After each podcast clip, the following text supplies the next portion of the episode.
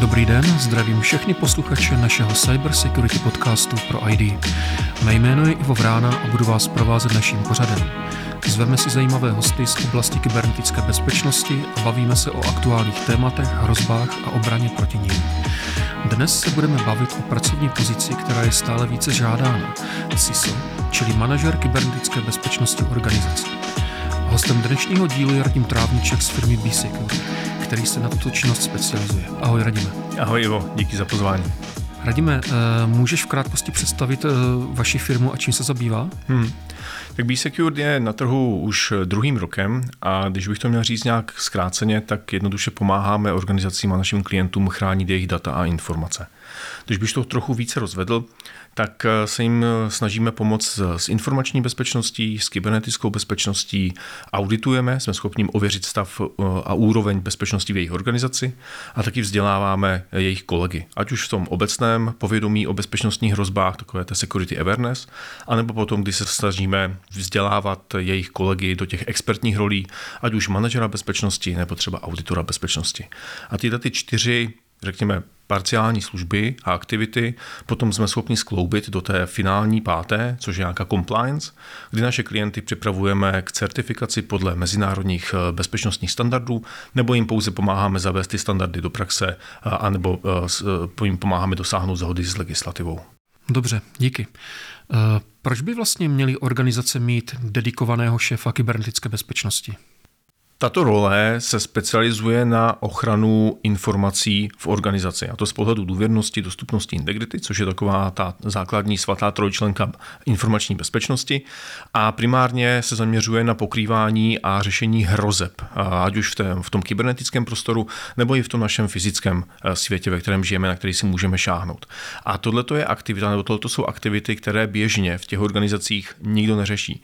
A vždycky to souvisí s eh, tou konkrétní organizací, s její velikostí, s její podstatou.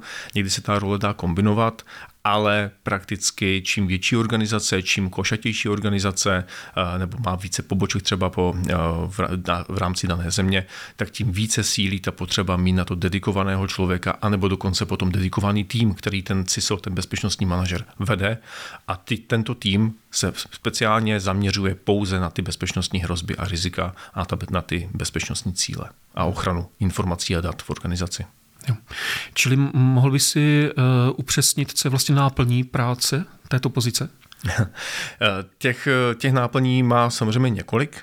Tím, že to je manažerská pozice, tak jedna z těch eh, základních aktivit je setkávání se s členy managementu, s ostatními eh, vedoucími, diskutování jejich eh, potřeb v oblasti bezpečnosti nebo třeba naplňování konkrétní legislativy. Kdybychom to třeba otočili na personální oddělení, tak tam bude téma určitě ochrana osobních údajů a shoda s legislativou GDPR. Případně pokud bychom měli pobočku v nějaké jiné zemi eh, mimo Evropu nebo i v rámci Evropy, tak tam můžou být nějaké dopřesňující eh, standardy nebo legislativy eh, právě v ochraně osobních údajů.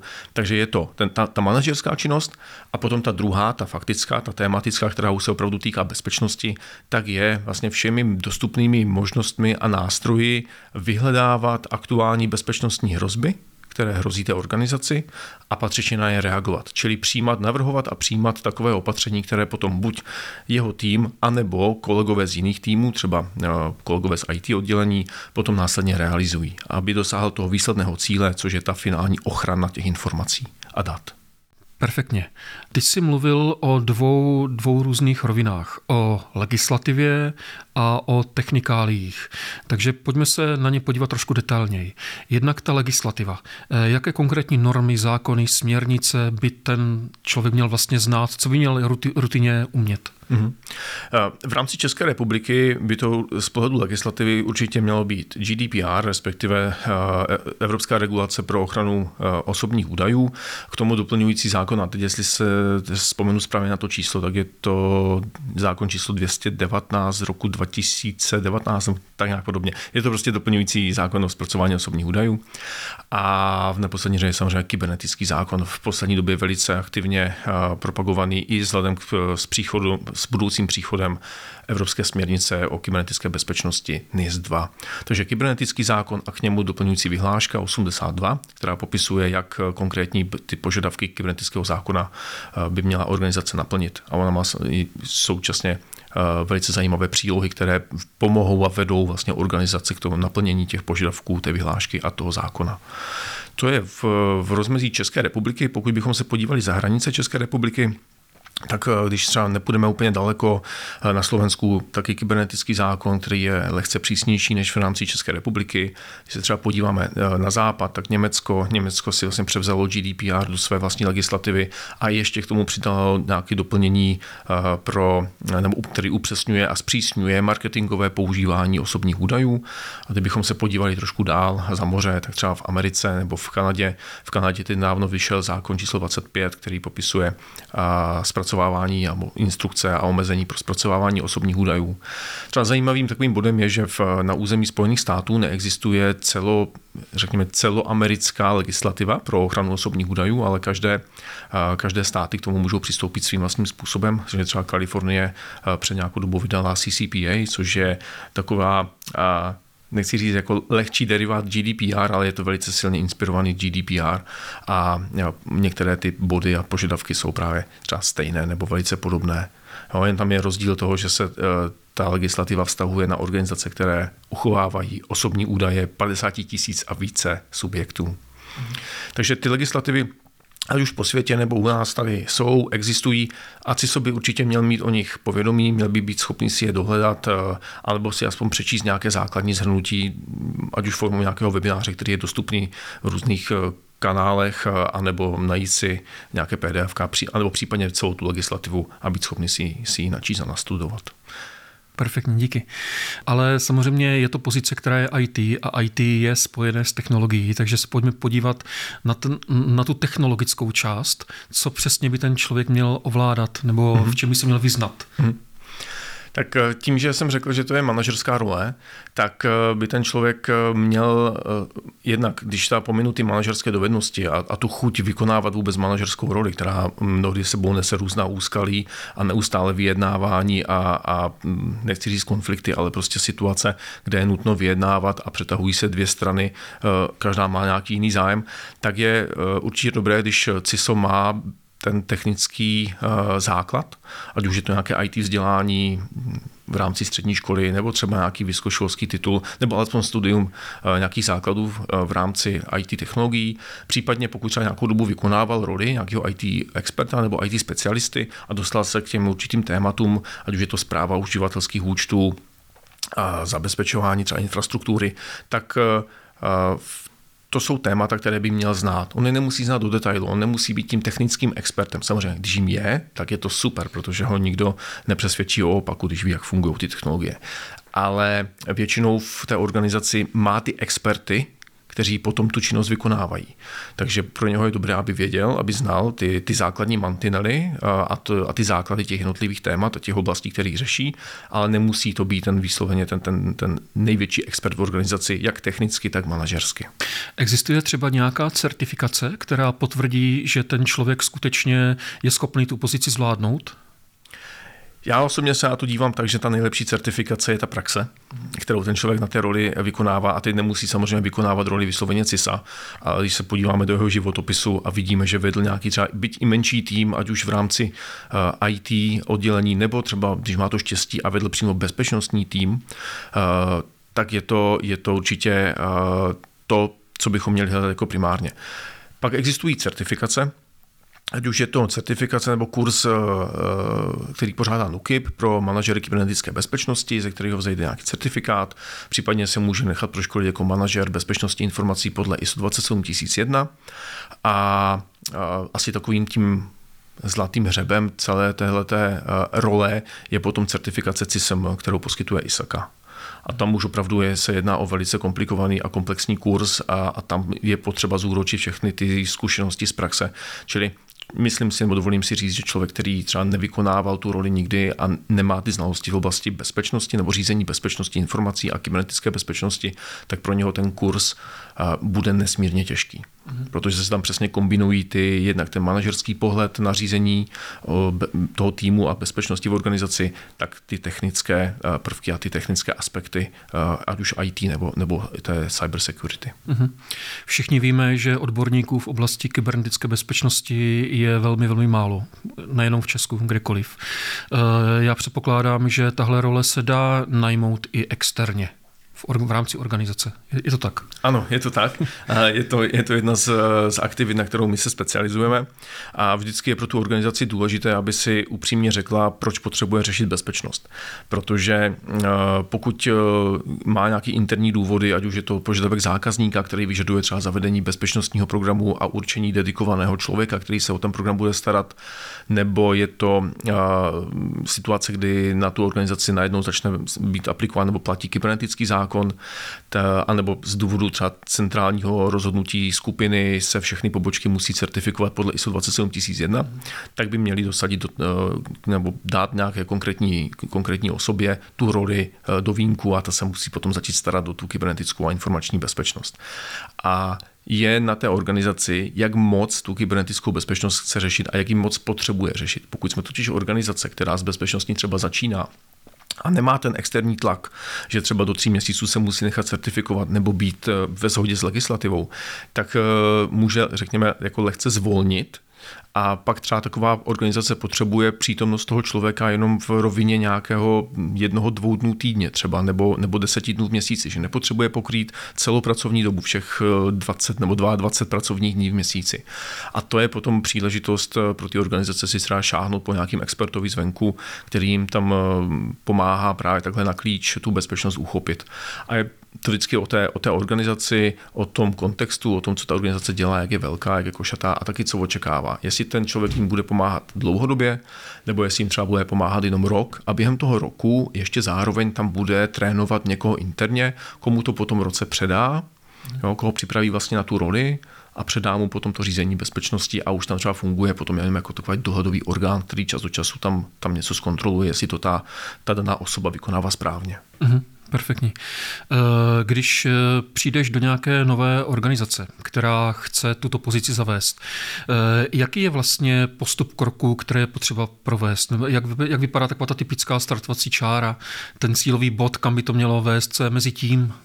Ten první, ten první krok je provedení nějaké, řekněme, rozdílové analýzy nebo úvodního ověření stavu bezpečnosti v té organizaci, protože uh, abychom to dokázali správně uh, uchopit, tak musíme vědět, co už dneska ta organizace plní, uh, jaké má bezpečnostní opatření zavedené, ale taky hlavně, v jakém segmentu třeba biznisu je ta organizace umístěná, jaká legislativa se na ní vztahuje, jaké požadavky třeba z ohledu bezpečnosti na ní ukládají její zákazníci. Čili je tam tam nějaká, nějaké aktivity, které se týkají revize smluv a bezpečnostních požadavků, revize aktuálně platné a aplikovatelné legislativy.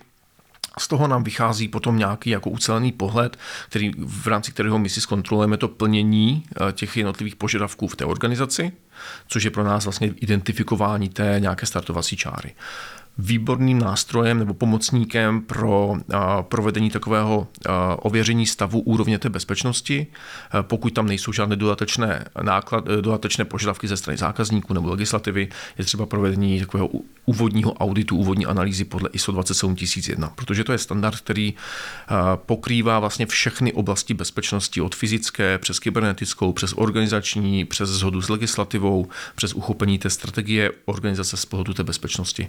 Takže takže přes tyhle ty nástroje my vlastně určíme ten, ten, ten eh, současný stav a pak záleží na to, kam se ta organizace chce v té bezpečnosti dostat. Jestli se chce se třeba jenom robustně zabezpečit proti phishingovým útokům a ransomwareu, nebo jestli chce naplnit právě ISO 27001 a nechat se za nějakou dobu certifikovat, nebo jestli třeba potřebujeme naplnit eh, kybernetický zákon, anebo jenom bezpečnostní nějakou baseline, kterou na ní aplikoval její zákazník třeba ze zahraničí. A jaké jsou nejčastější chyby, které eh, tam objevuješ v těchto těch procesech? Je to, ty nejčastější problémy většinou souvisí buď s technologiemi, anebo s, s těmi procesy. A když budu mluvit o těch technologiích, tak buď jsou to úplně chybějící technologie, mm-hmm. a, protože prostě organizace buď e, z nějakých důvodů neinvestovala do IT technologií, které jsou z toho bezpečnostního rázu, nebo ještě neví, že by do nich měla investovat. Takže chybějící technologie, pokud ty technologie jsou, tak nejsou třeba utilizovány na maximum, nejsou využívány na maximum. A, a co se týká těch procesů, tak tam je to velice jako problematické, protože a, jako jak se říká, papír snese všechno. My můžeme mít jako skvělou dokumentaci procesu, ale pokud ten proces skutečně nefunguje v praxi, pokud je ta aktivita zatížena obrovským množství výjimek, tak se vlastně o procesování bavit nemůžeme. Takže to jsou potom ty nefungující procesy.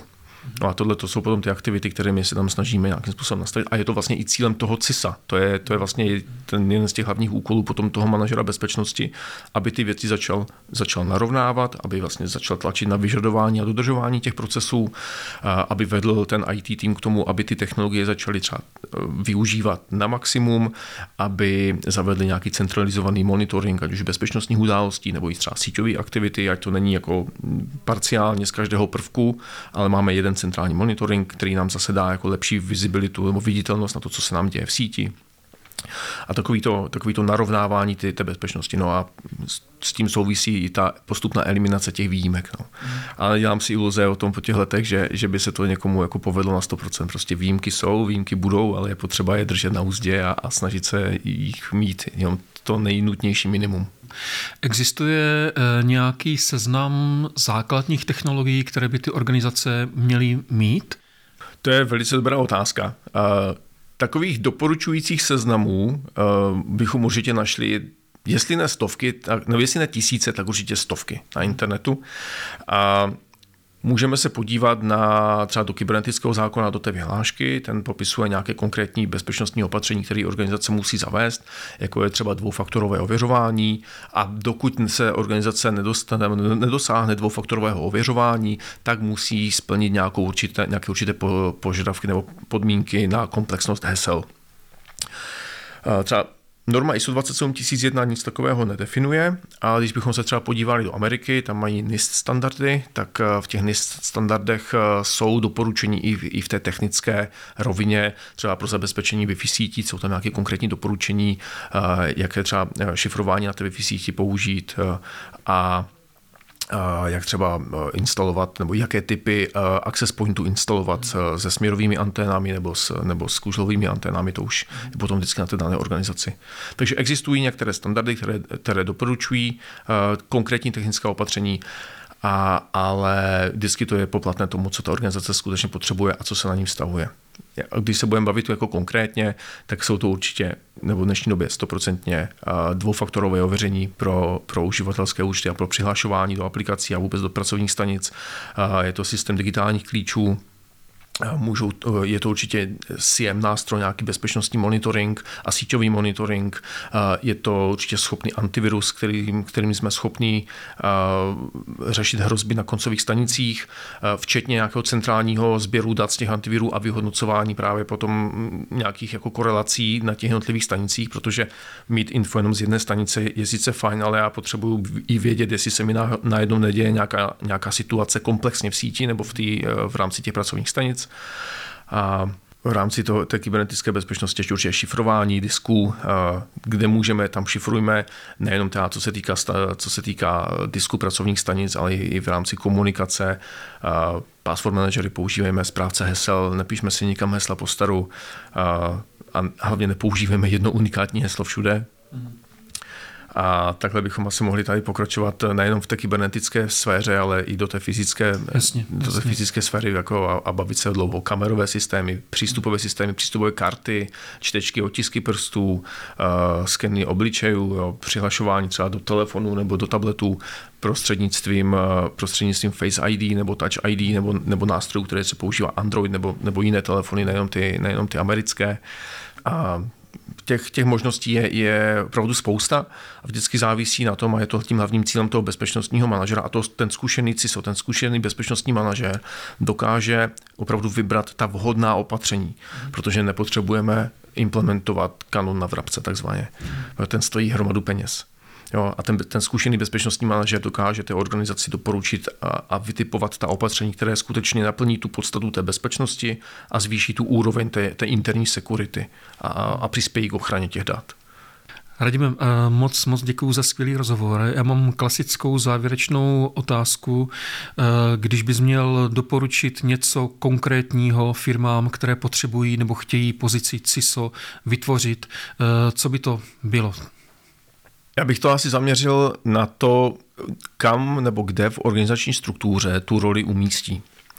A doporučil bych, aby eh, se nad tímhletím tématem opravdu zamysleli několikrát a hluboce a upřímně přijali tu možnost nebo tu, tu skutečnost, že ta role je skutečně manažerská a patří do té vyšší manažerské struktury, čili nedávejte roli kybernetického manažera kybernetické bezpečnosti nebo manažera bezpečnosti nebo, nebo CISA do nějaké nižší úrovně v organizaci, nedávejte ji do týmu IT, protože ten manažer kybernetické bezpečnosti nebo CISO, už budete řešit jakýkoliv mezinárodní standard pro bezpečnost nebo i kybernetický zákon, tak v, tom, eh, v těch jeho odpovědnostech je i fyzická bezpečnost, je tam zhoda s legislativou, čili ty aktivity, které on bude vykonávat a oblasti, které musí pokrývat, mnohonásobně překračují eh, ty hranice toho IT oddělení. Čili uh, přistupte k tomu opravdu upřímně a přijměte tu skutečnost, že to je manažer, vyšší manažerská role, a měl by mít to místo u stolu a měl by být ideálně odpovědný nebo přímo reportovat tomu nejvyššímu vedení. A může být v roli takového, řekněme, konzultanto manažerského odborníka, něco jako známe z pohledu DPO, jako z pohledu GDPR, kdy ta, ta role v organizaci je, je podřízená nejvyššímu vedení a tak do, dohlíží vlastně na tu oblast ochrany osobních údajů a doporučuje, co se má udělat pro to, aby to bylo ve shodě s legislativou. Úplně stejným způsobem může fungovat i ten CISO. Jo, je, odpovídá nejvyššímu vedení nebo přímo podřízený nejvyššímu vedení a vlastně úkoluje ty jednotlivé týmy a, obla, a organizace uvnitř té naší společnosti k tomu, abychom dosáhli té informační bezpečnosti, ale nikoho nevede, nemá ten tým. A nebo to je ta druhá, druhá varianta, že je podřízený nejvyššímu vedení a má ještě svůj vlastní tým, který se o tu bezpečnost stará. Mm, to je super. Uh, Radíme ještě jednou moc děkuji za skvělý rozhovor. Taky moc děkuji za pozvání, užil jsem si to. Ať se daří. Mě taky, díky, ahoj. Ahoj. A to bylo dnes vše. Pokud vás téma kybernetické bezpečnosti zajímá, navštivte náš web pro id.cz. Najdete zde spoustu článků, videí a nástrojů pro bezpečnost vašich organizací.